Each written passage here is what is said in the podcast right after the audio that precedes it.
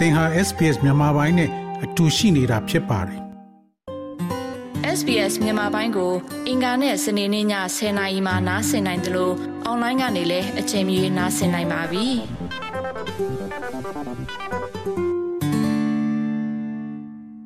မိုးရာသီဆိုတဲ့ကာလကိုရောက်တာနဲ့မိုးဆက်မိုးပေါက်တွေကိုတာယာစရာအဖြစ်ဖွဲ့နဲ့တင်စားလေးရှိပါတယ်။ ဒါဟာအမိုးကာနဲ့လုံခြုံမှုအပြည့်အဝပေးနိုင်တဲ့အိမ်မှာနေထိုင်သူတွေအများစုသာလှုပ်လေလှုပ်ထားရှိခဲ့ကြတာပါ။အိုးအိမ်ဆုံးခွာထွက်ပြေးနေရတဲ့မြန်မာပြည်ကစစ်ဆောင်တွေအတွက်တော့ဖြည့်ရှင်းကြရတော့မယ့်အခက်အခဲတွေကိုထပ်မံရင်ဆိုင်နေကြရပါတယ်။ဘေးကင်းမှုအရေးလက်မဆက်သွယ်ရေးခက်ခဲတဲ့တောတောင်တွေထဲမှာပြန်ကျပြောင်းရွှေ့နေထိုင်ရတဲ့အတွက်မိုးရာသီဟာသူတို့မဖြတ်တန်းခြင်းဆုံးရာသီဥတုတစ်ခုပါ။ လူဦးရေ2သိန်း6000ကျော်ထွက်ပြေးတိတ်ရှောင်နေရတဲ့ကရင်ပြည်နယ်မှာတော့စစ်ရှောင်စကန်ဆိုပြီးတည်သက်နေရချထားခြင်းတော့မရှိနိုင်ပါဘူး။ဇက်တိုက်ထိုးစစ်ဆင်နေတဲ့စစ်ကောင်စီရဲ့လေရင်ဘေးကိုလည်းကြောက်လန့်နေရသလိုစားနပ်ရိက္ခာမပြည့်စုံမှုတွေကပါတပြိုင်နက်ရင်ဆိုင်ကြုံတွေ့နေရတာပါ။ကရင်ပြည်နယ်ကအသက်40ကျော်အရွယ်အမျိုးသမီးစစ်ရှောင်တူက စစ်ရှောင်တဲ့အချိန်မှာမိုးရဒီကခက်ခဲဆုံးကောင်းအောင်လို့ကျွန်တော်တို့ပြောရမှာပေါ့နော်။တောင်းတဲ့နေဆိုတော့ဒါအများကြီးတက်တာလေမိုးရဒီဆိုရင်တောထဲနေတဲ့ဖက်အတွက်ကတော့ဘယ်လိုမှအဆင်မပြေဘူး။နောက်တော့ဖြစ်စစ်ရှောင်တာကကျွန်မမြို့ပေါ်တက်ရှောင်တယ်ဆိုရင်အမျိုးတွေကရခိုင်တော့အရင်နေတယ်ပေါ့နော်။တောထဲမှာပဲနေရတဲ့အတွက်ကြောင့်မလို့လမ်းတန်းဆက်တွေကြောက်ကြောက်ပြတ်တော့ရဆိုရင်တော့ ကျန်တဲ့ဟာတွေကပြတ်ဖို့အရင်လွယ်တယ်ပေါ့နော်။နေရာထိုင်ခင်းတွေဆိုလည်းဒီလိုပဲ နေရာဆက်ချ မရတော့အခုဆိုလည်း ကျမဆိုလည်း ဒီ ကျမနေနေတဲ့ရွာဖက်မှာလည်း တိုက်ပွဲအရင်စိတ်လာလို့ပွားခလင်းနေတဲ့ခါကျတော့ တောထဲတရှောင်းလည်း ဘာမှမထူပေါ့နော်။အဲ့ဆိုခါကျ ကျမတို့မှာ ဘာခက်ခဲရှိလဲ မြတ်ပေါ်ရှောင်းလည်း နေရာက ကျမတို့အရင်ခက်ခဲဖြစ်တယ်ပေါ့နော် တချို့က အိမ်ရှိပြီးသား တချို့ကနိဆက်ရအမျိုးရှိမယ် တချို့ကကြတော့နိဆက်ရအမျိုးလည်း မရှိဘူးအိမ်လည်း မရှိထားဘူးဒါဆိုရင်အဝန်နေအတွက် တော်တော်ခက်ခဲတဲ့ဟာတွေ ရှိတယ်ပေါ့နော် အဲ့ဒါတွေတော့ ကြုံကိုကြုံကိုကြုံရတဲ့ဟာတွေပေါ့နော်အာနာသိန်းကာလနှစ်နှစ်ကျော်အတွင်းမြန်မာနိုင်ငံမှာစစ်ရှောင်ပမာဏလူဦးရေ1.6တန်းကျော်ရှိနေတယ်လို့မြန်မာမဟာဗျူဟာနဲ့မူဝါဒလေ့လာရေး Institute ကထုတ်ပြန်ထားပါတယ်။တောက်သုံးနိုင်မှုရေနဲ့နီးစပ်ရာစမ်းချောင်းမြစ်ချောင်းဘေးမှာအခြေချပြောင်းရွှေ့နေထိုင်ရတဲ့အတွက်ရေမတက်ရှင်းမှုတွေနဲ့ချင်းကြိုက်တာတွေကိုပါစစ်ရှောင်တွေခံစားနေကြရတာပါ။ မိုးရသည်မှာရာသီပေါ်ယောဂါတွေဖြစ်တဲ့ငှက်ဖျား၊ကျုပ်ကွေးနဲ့ဝမ်းယောဂါတွေကတော့စစ်ရှောင်ဒုက္ခသည်တွေကိုအမြဲခြောက်လန့်နေပြီးဒါတွေကိုကုသဖို့စီဝါကလည်းမလုံလောက်ပါဘူး။ကရင်ပြည်နယ်တက်မဟာခုနှစ်နယ်မြေအတွင်းမှာနေထိုင်တဲ့အသက်52နှစ်အရွယ်ဒေါ်ဝါဝါဝင်းကတော့ယောဂဖြစ်လာတိုင်းကိုယ့်ဘာသာပဲရင်ဆိုင်ဖြေရှင်းရတယ်လို့ဆိုပါတယ်။ စစ်ဆောင်ကာလကြာလာတာနဲ့အမျှကုညီပတ်မိုးသူတွေရော့နေသွားကြပေမဲ့မိုးရာသီအတွက်အခြေခံလိုအပ်ချက်လေးတွေကိုတော့အတက်နိုင်ဆုံးကုညီဆောင်ရွက်ပေးတဲ့နယ်လို့သူကပြောပါတယ် ဘယ်သူမှမိုးလုံလေလုံနဲ့ကောင်းကောင်းနေကြရဲဆိုတာတိတ်မရှိဘူးပေါ့နော်မိုးကယူရင်လည်းယူမယ်မဟုတ်လို့ရှိရင်လည်းလီတိုက်တဲ့တံမခံနိုင်တာမျိုးရှိမယ်တချို့ကတော့ရှင်ပေါ်တဲ့အတွက်ကြောင့်မလို့တွလွန်တကူလည်းဖြစ်ကြတယ်ကဲနေမှာဒီစီဝါကုသဖို့အတွက်ဆရာဝန်ဆရာမဆိုတာမျိုးလည်းမရှိဘူးပြီးတော့စီဝါလည်းမရှိကြဘူးပေါ့နော်ကိုပိုင်ကိုပါအုပ်ကိုကိုဆောင်ထားပြီးတော့ဖြည့်ရှင်းရတာမျိုးပဲများတယ်ပေါ့စိတ်ပင်ပန်းရတာပေါ့နော်ဒီလိုမျိုးမိုးရာသီကို ကြုံတော့မယ်ဆိုလို့ရှိရင်ပေါ့နော်အဲဒီကျန်းမာရေးပြဿနာလေးတွေအမိုးအကာပြဿနာလေးတွေအဲဒါတွေကိုပေါ့နော်မိုးရာသီမရောက်ခင်တည်းကစစ်ရှောင်စခန်းလေးတွေဒုက္ခသည်တွေနောက်ခိုလှုံတဲ့လူတွေပေါ့နော်အာရုံစိုက်ပြီးတော့ဒီမိုးရာသီမတိုင်ခင်လေးမှာဒါလေးလိုအပ်လေပေါ့နော်နဲ့ဆွေးနွေးပြီးတော့လေလုတ်ပေးနိုင်တော့ပိုကောင်းတယ်လို့တော့မြင်တာပေါ့ဒီအခက်အခဲတွေကိုစစ်အာဏာသိမ်းကာလအတွင်းကထပ်တိုးလာတဲ့ပြည်သူတွေအပြင်အရင်ကတည်းကစစ်ရှောင်နေရတဲ့ပြည်သူတွေပါရင်ဆိုင်နေကြရဆဲပါ ဒေတာတွေတည်ငြိမ်စအခြေအနေလိုဖြစ်နေချိန်မှာနေရပြန်နိုင်ရေးအတွက်စီစဉ်ကစားရခိုင်ပြည်သူတွေမှာလည်းရာသီဥတုတန်းကိုထပ်မံကြုံတွေ့ခဲ့ရပြန်ပါတယ်။မိုးရာသီမရောက်ခင်မှာရင်ဆိုင်ကြုံတွေ့ခဲ့ရတဲ့တဘာဝဘေးအန္တရာယ်ဆိုစိုင်ကလုံးမုန်တိုင်းမှုခါကြောင့်ရခိုင်ပြည်နယ်တစ်ခုလုံးအင်ဂျီ2သိန်းကျော်ပျက်စီးသွားပြီးစစ်ရှောင်တွေပါဝင်လူဦးရေတသန်းကျော်ထိခိုက်နေနာခဲ့ရပါတယ်။ ဝါးနဲ့ဆောက်လုပ်ထားတဲ့တိမ်ညိုစခန်းအပါအဝင်စစ်ရှောင်းစခန်းတွေကတဲအိမ်တွေကတော့အကုန်လုံးပြိုလဲပျက်စီးခဲ့တာပါရုပ်လုံးမပေါ်သေးတဲ့ပြည်လဲချူချောင်ရေးလက်စင်ကဝေးကွာခဲ့ရသလိုလက်တလုံးမှာလည်းစားဝတ်နေရေးကိုဦးစားပေးဖြည့်ရှင်းနေကြရပါတယ်ရခိုင်ပြည်နယ်ကြောက်တော်မျိုးကန်ဆောက်စစ်ရှောက်စခန်းမှာနေတဲ့မန်နုနုစိန်ကပထမတော့ကတော့ ပုံမှန်အနေထားနဲ့နေတာပေါ့နော်အမှမုံတိုင်းညမိသွားလို့ရှိရင်ကလုံးကျစစ်ကကျစစ်ကလည်းအမှအိမ်ဟောင်းလေးကို နည်းနည်း အိမ်ဟောင်းလေးတော့ဖြစ်လိုက်တယ်မလားဖြစ်ပြီးမှ တတေးသေးလေးအိမ်ပဲဆောက်လို့ပြန်နေကြတယ်မှာယာယီသေးလေးပုံစံမျိုးပေါ့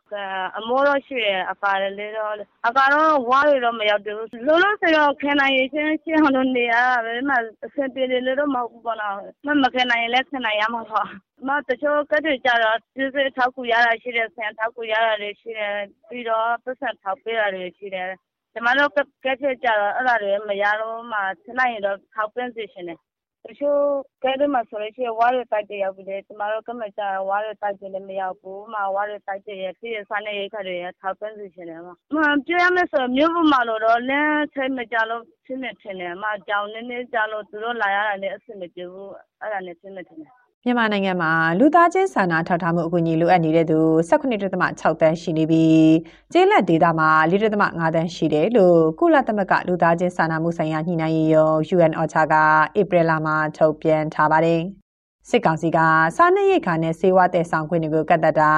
ဖြန့်ချီတဲ့လမ်းကြောင်းမှာအစီအစီများတာကလည်းစစ်ရှောင်အရေးအဆင်ပြေနိုင်မှုအတွက်အဟန့်အတားဖြစ်နေခဲ့ပါတယ်။ ပြီးခဲ့တဲ့လပိုင်းအတွင်းစစ်ကောင်စီရဲ့ထိုးစစ်ဆင်မှုနဲ့ဒေသခံကာကွယ်ရေးတပ်တွေရဲ့တိုက်ပွဲတွေကြောင့်တနင်္လာရီတိုင်းအတွင်းစစ်ဘေးဒုက္ခသည်တွေပိုများခဲ့ပါတယ်။အခုနှစ်စပိုင်းမှာစစ်ရှောင်ဦးရေ9000ကျော်ရှိရာကနေလက်ရှိမှာတော့စစ်ရှောင်ရေတွေ4000ကျော်အထိတိုးလာပြီးတနစ်အောက်ကလေး400ကျော်နဲ့တနစ်ကနေ9နှစ်ကြာအရွယ်ကလေး800ကျော်ပါဝင်နေပါတယ်။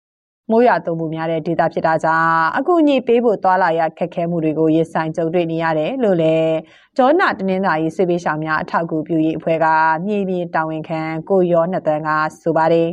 ဟိုတချို့ကျွန်တော်တို့ဒီပစ္စည်းတွေတင်စီခံရတာတွေရှိတယ်ပစ္စည်းတွေကိုတည်ယူပေးတဲ့သူတွေဖန်ဆီးခံရတာတွေရှိတယ်ပေါ့နော်ပစ္စည်းတွေကိုတည်ယူဖို့အတွက်အော်ငွေပမာဏတွေအများကြီးတုံပြီးတော့ဒီ တခြားလမ်းကြောင်းတွေကနေပြီးတော့ဟိုတည်ယူခွင့်ရရှိအောင်တည်ယူနိုင်အောင်အတွက်ကျွန်တော်တို့ဟိုအများကြီးကြိုးပမ်းရတယ်ပေါ့နော်အခုလိုမျိုးမိုးကာလမှာဆိုရင်ကျွန်တော်တို့အနေနဲ့ဟိုသူတို့စီကိုပစ္စည်းတွေရအောင်ပို့ပေးဖို့အတွက်ဟိုလန်ခီခက်ခဲရကြတော့ပို့ပြီးတော့ခက်ခဲလာတဲ့အခြေအနေမှာရှိပါတယ်အဲဆက်ဆောင်တွေရှိတဲ့နေရာတွေကိုကိုယ်တိုင်ကိုကြတွားရောက်ပြီးတော့ကူညီပေးနိုင်တဲ့အခြေအနေမျိုးနည်းတယ်ပေါ့နော်ဒီစစ်တပ်နဲ့ MOU ထိုးပြီးတော့ဟိုလုပ်နေရတာဖြစ်တဲ့အတွက်ကြောင့်ဟိုဒီလိုမျိုးကူညီတွေပေးအပ်ဖို့ကကြတော့ ဟိုစစ်ဆောင်တွေကိုဓာတ်ရိုက်မရုပ်တဲ့ဟိုအခြေအနေတွေမျိုးရှိတယ်တကယ်လို့စစ်တပ်နဲ့ဟိုစကားတွေအများကြီးပြောရတယ်စစ်ဆောင်တွေစီကိုရောက်ဖို့အတွက်ကျွန်တော်တို့အများကြီးကြော်ဖြတ်ရတယ်ပေါ့နော်တကယ်ရောက်လာတဲ့ပမာဏကလည်းကျွန်တော်တို့လုံလုံတဲ့ပမာဏမဟုတ်ဘူးကျွန်တော်တို့ဒီလိုအပ်နေတဲ့ပစ္စည်းတွေမဟုတ်ဘူးဆိုရင်ပြည်စုံလာတယ်ကျွန်တော်တို့လုံလုံလာတယ်လို့မရှိဘဲနဲ့ခက်ခဲတဲ့အခြေအနေကဘာမှမထူးရတဲ့အခြေအနေလို့ပြောလို့ရပါတယ် အာနာသိမ့်မှုနှစ်နှစ်ကျော်အတွင်းအင်ဂျီ4800ကျော်မီးလောင်ပြကြခဲ့ရတဲ့စကိုင်းတိုင်းဒေသကြီးကဒေသခံတွေကတော့ဒီနှစ်မိုးရာသီမှာမီးလောင်ပြေပေါ်ကယာယီတဲလေးတွေမှာပဲနေထိုင်နေကြရတာပါပြီးခဲ့တဲ့နှစ်မှာဂျပန်အစိုးရကမြန်မာနိုင်ငံကိုဒေါ်လာ48တန်းပေးအပ်ခဲ့သလို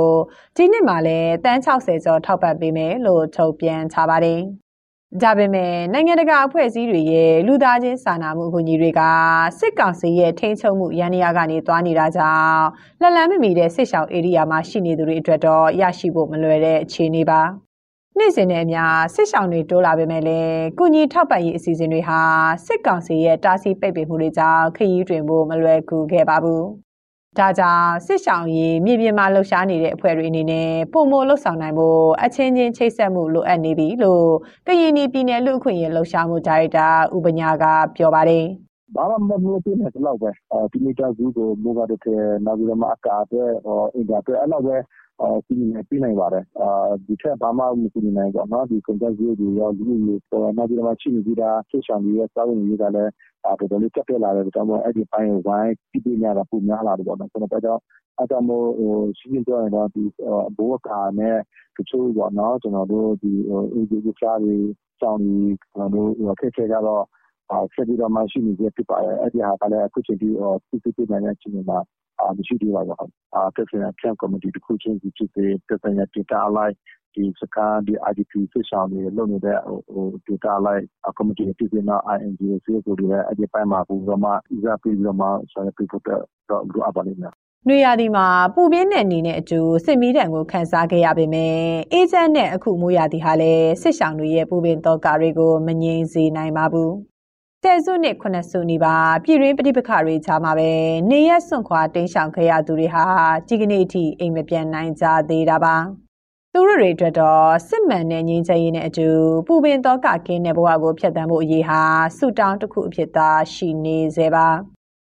ဒီသတင်းဆောင်မကိုတန်လွင်ခက်ကပေးပို့ထားတာဖြစ်ပါတယ် SBS မြန်မာပိုင်းကို အင်ကာနဲ့စနေနေ့ည10:00နာရီမှနားဆင်နိုင်ပါတယ်။နားဆင်နိုင်တဲ့နည်းလမ်းအများကြီးရှိပါတယ်။ Radio Digital TV Online ဒါမှမဟုတ် SBS Radio App ကနေတဆင့်နားဆင်နိုင်ပါတယ်။ SBS မြန်မာပိုင်းအစီအစဉ်ဖြစ်ပါတယ်ရှင်။